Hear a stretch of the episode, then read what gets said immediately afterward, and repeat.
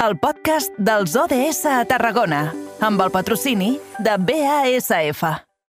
Soc qui dóna vida als teus somnis, qui fa de les teves pors por, qui t'ajuda a abraçar les teves inquietuds. Soc qui dóna tota la força per sentir-te important i enderrocar tots els murs. I com estàvem dient a l'inici del sumari, aquesta darrera hora de programa parlarem sobre els ODS. Comencem amb l'ODS número 17, el qual ens parla d'aliances per aconseguir tota la resta dels ODS. I avui ens centrarem en el que és la meta del 0,7%. Com cada 15 dies que ens ajudarà a entendre tota aquesta part internacional dels ODS serà el Gonçal Barrios, membre i impulsor de la coordinadora d'ONGs de Tarragona. Bona tarda, Gonçal, i benvingut. Bones tardes, Angie. Anem a situar una miqueta què vol dir això del 0,7%, aquesta meta que es va crear a la dècada dels 70. Per tant, Gonçal, què és i qui ha de donar aquesta ajuda oficial al desenvolupament?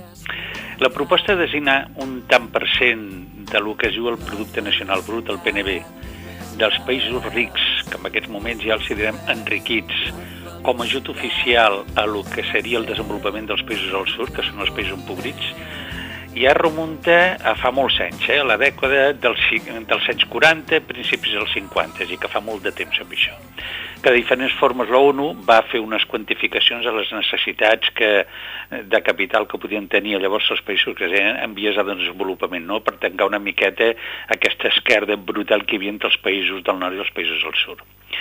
Però ja va ser l'any 70, 1970, de fa ara, si no calculo 53 anys, uh -huh. que les Nacions Unides eh, ja van aprovar que els països desenvolupats eh, donessin el 0,7% del PNB, del, del Producte Nacional Brut, als països empobrits com a ajuda al desenvolupament. És a dir, que realment la fita de lo que és el 0,7, que vull dir que és una fita ja molt sobrepassada, diguem, quedaria molt petita, és de l'any 1970. Uh -huh. Llavors es fan una sèrie d'informes que detallaven, doncs la ONU detallava el tema de la desigualtat, que cada cop era més gran, que entre els països enriquits, i especialment nomenava doncs, el que eren els països d'Europa Occidental en aquella època i Estats Units. Avui penso jo que podríem afegir tota la resta d'Europa, dir, que podríem dir no solament la Unió Europea, sinó Europa, eh, Canadà també, a banda dels Estats Units, doncs Canadà, Xina i el Japó, no? potser són els països que tenen més potència econòmica avui dia. Eh? Uh -huh. I els països menys, eh, menys desenvolupats, els més empobrits, eh, doncs donar-los aquest ajut per disminuir aquesta desigualtat tan brutal que cada vegada creix més, no? cada vegada els rics són més rics i cada vegada els pobres més pobres.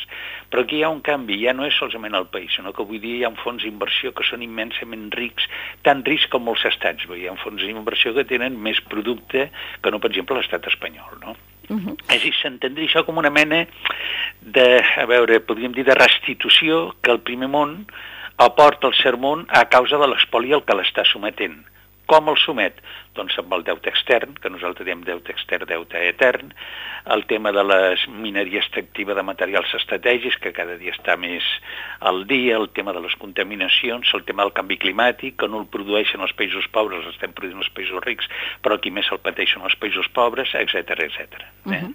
Aquesta seria la idea. Uh, Gonçal, ara deia 50 anys gairebé que ha passat des de la creació del, del concepte d'aquest objectiu. Sí. Uh, 50 anys que han donat pel mo per molt. Llavors, qui ha aconseguit arribar a aquesta meta del 0,7 i, i qui no ha fet els deures? Doncs mira, únicament a nivell mundial hi ha set països que han arribat ja fa anys al 07, ja fa anys, eh?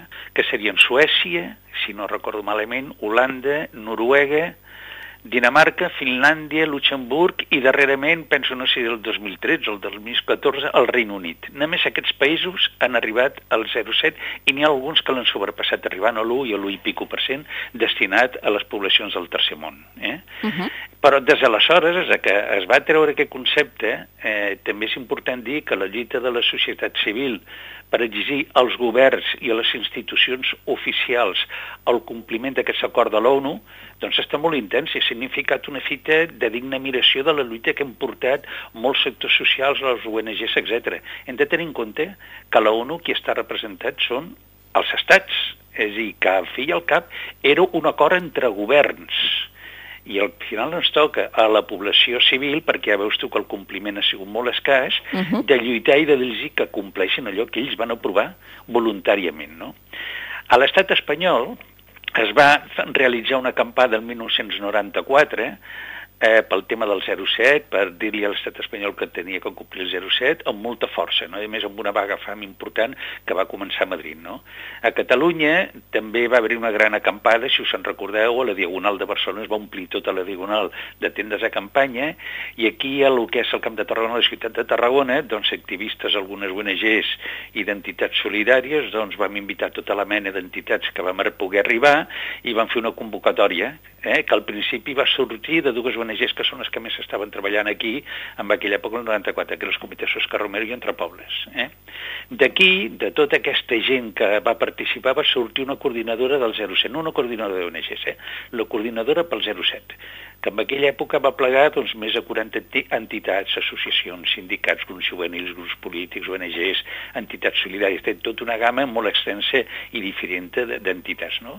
I van començar una acampada que es va fer el dia, si no recordo malament, penso que era el 19 i 20 de novembre, no? que es va omplir la Rambla de Tarragona, està pel col Mediterrani, plena de, de, de tendes de campanya en quantitat d'activitats, xerrades, abats, etc etc. I aquest debat inters és el moviment que era força viu eh, tant aquí a Catalunya com a la resta de l'Estat. No? I vam arribar a les conclusions que el 0,7%, que ja estic parlant que era l'any 70 quan es va aprovar, i que això, aquesta, aquesta acampada va ser l'any 94, no era pas la solució per la pobresa perquè el creixement d'aquest abisme entre el nord i el sud era fruit d'un model polític, és fruit d'un model polític i econòmic que l'estem imposant nosaltres, els països del primer món, pel nostre benefici, amb un comerç mundial injust, un deute extern il·legítim, que a més és impagable pels països, eh, els dels polis, l'expoli dels seus recursos, en guerres, en cops d'estat, etc. En definitiva, un sistema econòmic en el que eh, cal acabar i, i que, per tant, el 0,100 no és un, només que un mentrestant no s'arriba amb aquesta, amb aquesta eh, restitució, amb aquesta situació més justa de tractar els països del tercer món com si fossin com tractem, ens tractem nosaltres en el primer món. No? O sigui que, per tant, demanem justícia. No? I lo, mentre la cooperació internacional no hi arriba, ni tan sols a restituir aquesta petíssima part del que els hi estem robant contínuament als països enriquits, als països empobrits, hem de participar amb aquesta fita que ha dit que està sobrepassada i és un tant per cent molt petit de la que es necessitaria avui, que seria aquest 0,7% del, del, del, del producte nacional brut. Tenint en compte tenint en compte que ja et dic que això és una petita cosa i que el 07 avui seria més que una fita, és una fita de dignitat, més que una fita es necessitaria bastant més de tant per cent per poder acabar amb la, amb, la, amb la pobresa del tercer món. I que és, acabant la pobresa, ho recordo, és el primer objectiu de desenvolupament sostenible de l'ONU, uh -huh. que ha dit que, o que va posar la fita per complir el, el, el 2015, que no, no, no, no, no s'ha aconseguit, estem al 2023 i s'ha traçat el 2030, que tampoc no penso que hi arribem. I, Gonçal, aquí també a Carrer Major ens agrada parlar justament d'aquesta actualitat, ara feies referència a la dècada dels 90, movem-nos una mica més enllà, estem a 2023, hem passat una pandèmia que encara vi vivim les seves conseqüències i també estem enmig d'una crisi, crisi humanitària. No sé si això ha fet de que eh, els països o la gent que hagi de decidir doncs, aquest 0,7% eh, revisiti aquest concepte i també el, el revisi per tal d'actualitzar-lo i potser eh, que tots ens tornem una mica més solidaris, o no és el cas? A veure, el primer que haig de dir és que el tant per cent que en aquest moment s'està destinant, perquè aquesta data és important, actualment a l'espanyol s'està destinant al 0,26% del producte nacional brut, a nivell estatal. Però s'ha fet una nova llei que es va aprovar al gener del 2022, eh, és a dir, l'any passat, que posava que arribarien a l'horitzó, ja estem repetint, el 2030, vale? Aquesta és una nova llei estatal. Però a Catalunya la llei de cooperació i desenvolupament és el, del mes de desembre del 2001 i en aquests moments estem al 0,2%. A l'Estat el 0,26% i a Catalunya el 0,2%. Per exemple, l'Ajuntament de Tarragona fa uns anys que es movem amb el 0,42, 0,43. Vull dir que hi ha ajuntaments que porten més inclús que els, els diguem, les, les administracions uh -huh. fortes. No? Eh, I, per tant, bueno, aquesta és la situació. Eh? Ja et dic que mm, no hi arribarem als, als objectius de desenvolupament sostenible que ha marcat la ONU, ho han darrerit tot perquè es compleixin l'any 2030, estem al 2023, ja veus tu quines proporcions del 0,7 s'està, i que, bueno, no perquè portem el 0,7 a projectes, amb les contraparts allà s'acabaran la pobresa, i no molt menys, es necessiten moltíssimes, moltíssimes més coses. Eh? Gonçal, és que has dit una cosa molt, molt interessant, eh, i és que fins i tot eh, ajuntaments, eh, administracions locals que no són la, la gran línia forta de l'administració pública, eh, estan superant el que realment els destina en quant a, a cooperació i, i a l'àmbit internacional de solidaritat. Llavors, aquí hem de reclamar eh, responsabilitats per reivindicar o capgirar aquesta situació? Mire, eh, això és d'una forma molt descentralitzada. És a dir, hi ha un govern estatal, hi ha autonomies que tenen el seu govern, hi ha ajuntaments que són el govern local, hi ha les diputacions, etc. i la nostra obligació és intentar demanar que tots aquests compleixin, sigui l'administració que sigui més petita, més gran, que compleixin amb aquest 0,7%. Entre altres coses perquè també interessa moltíssim que les organitzacions socials de cada un d'aquests llocs, que és la població civil organitzada en aquest cas aquí a Tarragona, no? per posar-ho a Reus, que són les organitzacions no governamentals, en aquest cas de cooperació pel desenvolupament, doncs estiguin demanant i treballant conjuntament a la seva administració, a la que li estan demanant que s'apliquin aquests diners, treballant amb el tema de l'educació, el desenvolupament, també eh, intentant explicar eh, amb, aquí i localment que amb aquesta educació que avui no es diu pel desenvolupament, és educació per la ciutadania global, eh, global perdó, eh, explicar en què consisteix el 07, què és el que està passant al tercer món, perquè esclar, la televisió i els medis de comunicació no ho expliquen tot això. No? Uh -huh. Llavors, és qüestió d'aquestes ONGs que estem treballant amb les nostres contraparts, que són ONGs que tampoc no estan mediatitzades pels governs allà, perquè clar, tu imagina't ara si em dius em posaré a treballar en un país on el govern és dretes, a dretes, dretes com el Salvador, doncs és molt difícil, no? Ara, totes les contraparts de els projectes que tenim sí que estan legalitzats i avalats però això no vol dir que pugui entrar un govern més a dret, més a esquerra, si tregui els ajuts, etc. Per, per tant, aquesta solidaritat un, un, diguem, de germanor horitzontal que tenim les ONGs aquí, el poble d'aquí, amb el poble d'allà, és molt important que es mantingui. D'acord? Però, bueno, tu em parlaves abans de la crisi, no? també de la crisi humanitària, si això havia consolidat més els conceptes solidaris. Mira, els països empobrits sempre han estat en crisi, no ara pel tema del Covid, sinó sempre ha estat en crisi eh? no com aquí. És una crisi molt, molt, molt profunda, no? Uh -huh. La d'aquí és menys profunda, hi ha molts sectors que acaben en l'apobriment, però bueno, hi ha molta protecció social, hi ha menjadors eh, públics, hi ha no sé què, vull dir, n'hi ha molts, no? Uh -huh. Però aquest empobriment d'allà és molt més greu, no? Allà el poble, el pobre, la gent pobra no té res, i a més és que poder explicar, jo ho he intentat, explicar què és res, és molt difícil. Si no ho vius o no ho veus, és dir, si no ho toques, és molt difícil explicar que no té res. És difícil explicar bé la mort, doncs jo que sé, d'un nadó, no? que no té res per alimentar-se, es mor d'inanició. Àfrica està passant contínuament.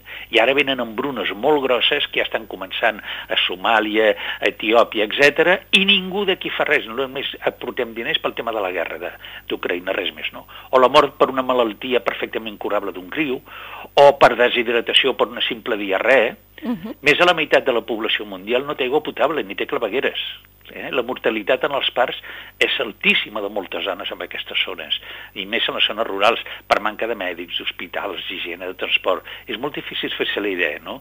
I potser les úniques persones que aquí van viure, doncs potser les penúries a la nostra postguerra civil, sí que es poden aproximar amb aquest concepte. Mira, jo recordo una companya, amiga meva de més, infermera de Barcelona, que l'any 1986, una de les vegades que estava a Nicaragua, ella estava a Nicaragua i estava treballant a l'hospital d'Estelí. Nicaragua en aquell moment estava en plena guerra perquè els Estats Units va muntar una guerra de, de desgast en la contrarrevolució. No? Doncs només en 3 o 4 mesos va reduir la mort diari d'un criu a una mort setmanal, imagina't, de 30 a 4 crios a la setmana, solament en pràctiques higiene a l'hora de donar el pit. Déu-n'hi-do, aquest, uh, aquesta data que ens acabes de... aquesta dada que ens acabes de donar, Gonçal, és, és esgarrifosa i també ens fa prendre consciència de la importància d'aquestes ajudes oficials al desenvolupament per tal d'evitar situacions com, com aquestes. Malauradament, en Gonçal, eh, com sempre amb tu, sense tirat al damunt el temps i haurem de deixar aquesta, aquesta conversa per una altra ocasió que ben segur en podrem parlar d'aquí 15 dies. Moltíssimes gràcies un cop més, Gonçal, per apropar-nos avui a l'actualitat internacional i compartir una estoneta amb nosaltres aquí al nostre espai dels ODS. Que vagi molt bé. Fins la propera. Moltes gràcies per la vostra oportunitat.